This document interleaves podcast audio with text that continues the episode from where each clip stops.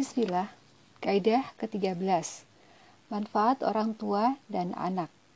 Tentang orang tuamu dan anak-anakmu, kamu tidak mengetahui siapa di antara mereka yang lebih banyak manfaatnya bagimu. Quran Surat An-Nisa ayat 11 Kaidah ini termasuk salah satu kaidah-kaidah Al-Quran yang mengajak manusia untuk berhenti sejenak merenung, merenungkan keagungan Allah dalam makhluk ciptaannya dan kebijaksanaannya dalam menetapkan syariat agamanya. Kaidah ini juga menunjukkan betapa dangkal pengetahuan manusia dalam menentukan kebaikan untuk dirinya sendiri. Kaidah ini berlatar konteks ayat-ayat tentang pembagian harta warisan di awal-awal surat An-Nisa. Adapun makna kaidah di atas adalah dari sekian banyak orang-orang yang mendapatkan warisan darimu, ayah atau anak-anak kalian tidak mengetahui siapa yang paling memberi kemanfaatan bagimu di dunia dan akhirat. Sebagian kalian mengira bahwa ayahlah yang lebih menjanjikan kemanfaatan untuknya, sehingga anak-anaknya juga lebih menguntungkannya. Dan sebaliknya, tetapi Allah lah yang lebih mengetahui tentang orang yang paling menguntungkanmu. Allah telah mengatur segala urusan kalian dengan penuh keuntungan. Maka ikutilah dan jalankanlah aturan-aturan itu. Andai masalah pembagian warisan ini diserahkan kepada otak-otak dan perakiraan kalian, maka pasti akan menimbulkan bahaya yang besar. Karena kedangkalan pengetahuan kalian dalam menentukan sesuatu hal yang paling menguntungkan bagimu di setiap waktu dan semua tempat. Orang-orang jahiliyah menentukan bagian warisan berdasarkan ukuran-ukuran yang bias, terkadang dengan mempertimbangkan kepentingan orang tua kepentingan anak-anak atau kepentingan mengambil jalan tengah. Maka datanglah syariat Islam yang membatalkan istihad-istihad tumpul tersebut dan Allah sendiri yang menentukan pembagian warisan. Kemudian di penghujung ayat Allah menjelaskan dua makna agung yang tidak mungkin dicapai oleh nalar manusia seberapapun tinggi tingkat ilmu pengetahuannya. Pertama, Allah berfirman, kamu tidak mengetahui siapa di antara mereka yang lebih banyak manfaat bagimu. Quran Surat An-Nisa ayat 11 Inilah kaidah yang akan kita bahas. Kedua, Allah berfirman, ini adalah ketetapan Allah. Sungguh Allah maha mengetahui, maha bijaksana. Quran Surat An-Nisa ayat 11 Pembagian warisan yang ditetapkan Allah itu wajib dijalankan dan tidak boleh diabaikan dan dirubah. Allah memberi alasan dengan dengan penutup ayat, Sungguh Allah Maha Mengetahui, Maha Bijaksana, agar seorang mukmin bertambah yakin bahwa pembagian itu keluar dari pengetahuan yang sempurna yang tidak mungkin mengandung kezaliman dan kekurangan. Kita harus berusaha menerapkan kaidah ini dalam kehidupan nyata agar kita bisa meluruskan apa yang salah dari sebagian persepsi dan perjalanan kehidupan sosial kita. Di antaranya adalah sebagian orang ada yang hanya dikaruniai anak-anak perempuan saja sehingga ia sedih atas karunia ini. Adanya kaidah ini menjadikan menjadikannya tenang dan yakin bahwa keputusan Allah lebih baik untuknya. Karena banyak ditemukan anak perempuan jauh lebih menguntungkan daripada beberapa anak laki-laki. Ini merupakan kenyataan yang dapat dibuktikan secara nyata. Aku mengenal seorang laki-laki yang telah tua renta. Semua anak lelakinya bekerja di tempat yang jauh darinya. Sehingga tiada yang lebih perhatian saat tubuhnya rapuh kecuali anak perempuan satu-satunya yang tinggal bersamanya. Maha benar Allah dengan firman-Nya, kamu tidak mengetahui siapa di antara mereka yang lebih banyak manfaatnya bagimu.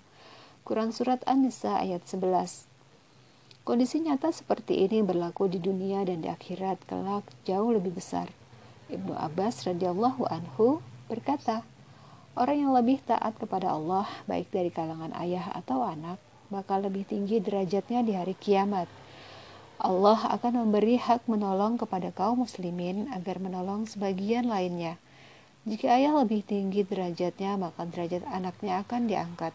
Dan jika sang anak yang lebih tinggi derajatnya, maka derajat ayahnya akan diangkat pula, agar mereka semua berbahagia. Namun, sangat disayangkan, kita masih saja mendengar dan membaca tentang orang-orang yang marah saat dikaruniai anak-anak perempuan saja, bahkan tega mengancam istrinya jika melahirkan anak perempuan lagi. Sungguh ini adalah kebodohan yang nyata. Bagaimana mungkin seseorang dihardik atas sesuatu hal yang di luar kontrolnya? Alangkah baiknya andai orang-orang itu mau merenungkan beberapa hal berikut. Pertama, kaidah Al-Quran berikut ini, kamu tidak mengetahui siapa di antara mereka yang lebih banyak manfaatnya bagimu. Quran Surat An-Nisa ayat 11. Kedua, firman Allah, Milik Allah lah kerajaan langit dan bumi, dan dia menciptakan apa yang dia kehendaki, memberikan anak perempuan kepada siapa yang dia kehendaki, dan memberikan anak laki-laki kepada siapa yang dia kehendaki, atau dia anugerah menganugerahkan jenis laki-laki dan perempuan, dan menjadikan mandul siapa yang dia kehendaki. Dia maha mengetahui, maha, mengu, maha kuasa. Quran Surat Ashura ayat 49-50 Ibnu Al-Qayyim Al-Zawziyah rahimahullah menggarisbawahi ayat ini dengan berkata, Cukup bagi seseorang mendapatkan murka Allah jika ia membenci pada apa yang telah dianugerahkan kepadanya. Ketiga, merenungkan hadis-hadis tentang keistimewaan orang-orang yang dikaruniai anak-anak perempuan, lalu ia mendidiknya dengan baik sampai mereka menikah. Keempat, orang yang marah hanya karena dikaruniai anak-anak perempuan saja, hendaknya dikatakan kepadanya, apakah kemarahanmu ini akan menyebabkan kamu mendapatkan anak laki-laki? Benar bahwa mayoritas umat manusia senang anaknya berjenis kelamin laki-laki, tetapi sebagai seorang mukmin hendaknya menyikapi ujian ini dengan kacamata lain, yaitu beribadah dengan kesabaran dan rela menerima pemberian Allah. Bahkan sebagian orang bisa sampai pada derajat syukur atas anugerah yang ia terima, karena ia mengetahui bahwa pilihan Allah pasti baik baginya daripada keinginannya sendiri. Mungkin saja Allah ingin menghindarkannya dari kehinaan-kehinaan saat ia tidak diberi anak laki-laki.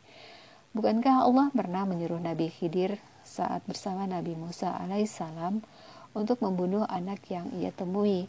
Lalu Allah menjelaskan sendiri alasannya dengan firman-Nya, "Dan adapun anak muda kafir itu, kedua orang tuanya mukmin, dan kami khawatir kalau dia akan memaksa kedua orang tuanya kepada kesesatan dan kekafiran. Kemudian kami menghendaki sekiranya Tuhan mereka menggantinya dengan seorang anak lain yang lebih baik kesuciannya daripada anak itu dan lebih sayang kepada ibu bapaknya. Quran Surat Al-Kahfi 80 dan 81. Dalam kesempatan ini lebih indah jika saya sampaikan catatan pribadi Syekh Ali Aton Tantowi rahimahullah. Seorang yang diuji hanya memiliki anak-anak perempuan dan tidak diberi anak laki-laki. Saya yakin jika tulisan beliau dibaca oleh orang yang mengalami hal yang sama, maka ia tidak akan mengimpikan apa pun selain apa yang ada untuknya itu. Beliau menuliskan, ayat di atas menjadi pelipur lara bagi orang-orang yang dikaruniai anak-anak perempuan saja, dan juga bagi orang-orang yang diuji dengan anak laki-laki yang cacat, baik cacat penglihatan, pendengaran, keterbelakangan mental, atau lumpuh.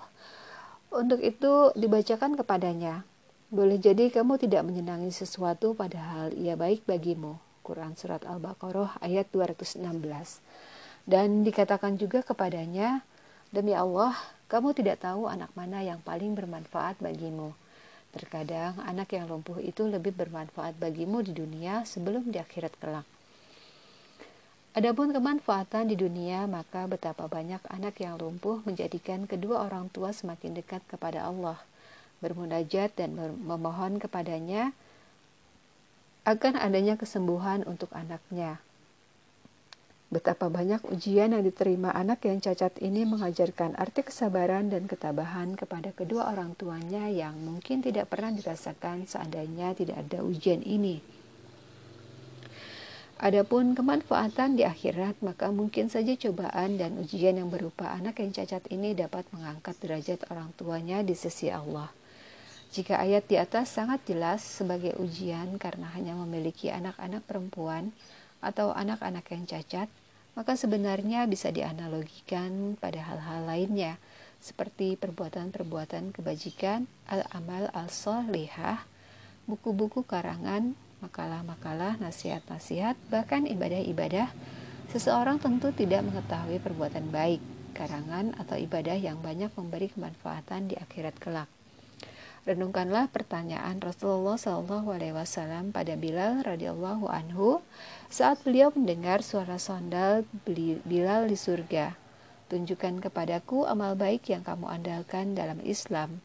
Bilal menjawab, saya tidak berwudu baik di waktu malam atau siang kecuali saya sholat dua rakaat setelahnya. Hadis riwayat Al-Bukhari dan Muslim. Lihat bagaimana Bilal radhiyallahu anhu tidak menyebut jihad yang ia ikuti bersama Rasulullah Shallallahu alaihi wasallam dan azan yang menjadi tugas utamanya sebagai amal perbuatan yang ia andalkan. Semua ini secara tidak langsung mengajak kepada kita agar senantiasa memperbanyak pintu-pintu kebaikan. Seseorang tidak mengetahui amal baik yang mana yang menjadi sebab ia mendapatkan ridho Allah dan merengkuh surga. Karena tidak sedikit dari perbuatan yang besar tetapi dimasukkan hembus dimasuki hembusan hawa nafsu sehingga pemiliknya tidak mendapatkan manfaat sedikit pun darinya. Sebaliknya, banyak perbuatan kecil yang di dalamnya tersalur energi niat yang besar dan kejujuran pelakunya, sehingga Allah membalasnya dengan pahala yang tidak pernah dibayangkan. Kisah seorang pelacur yang memberi minum anjing, sebagaimana diceritakan oleh Rasulullah SAW, merupakan bukti nyata terkait hal ini.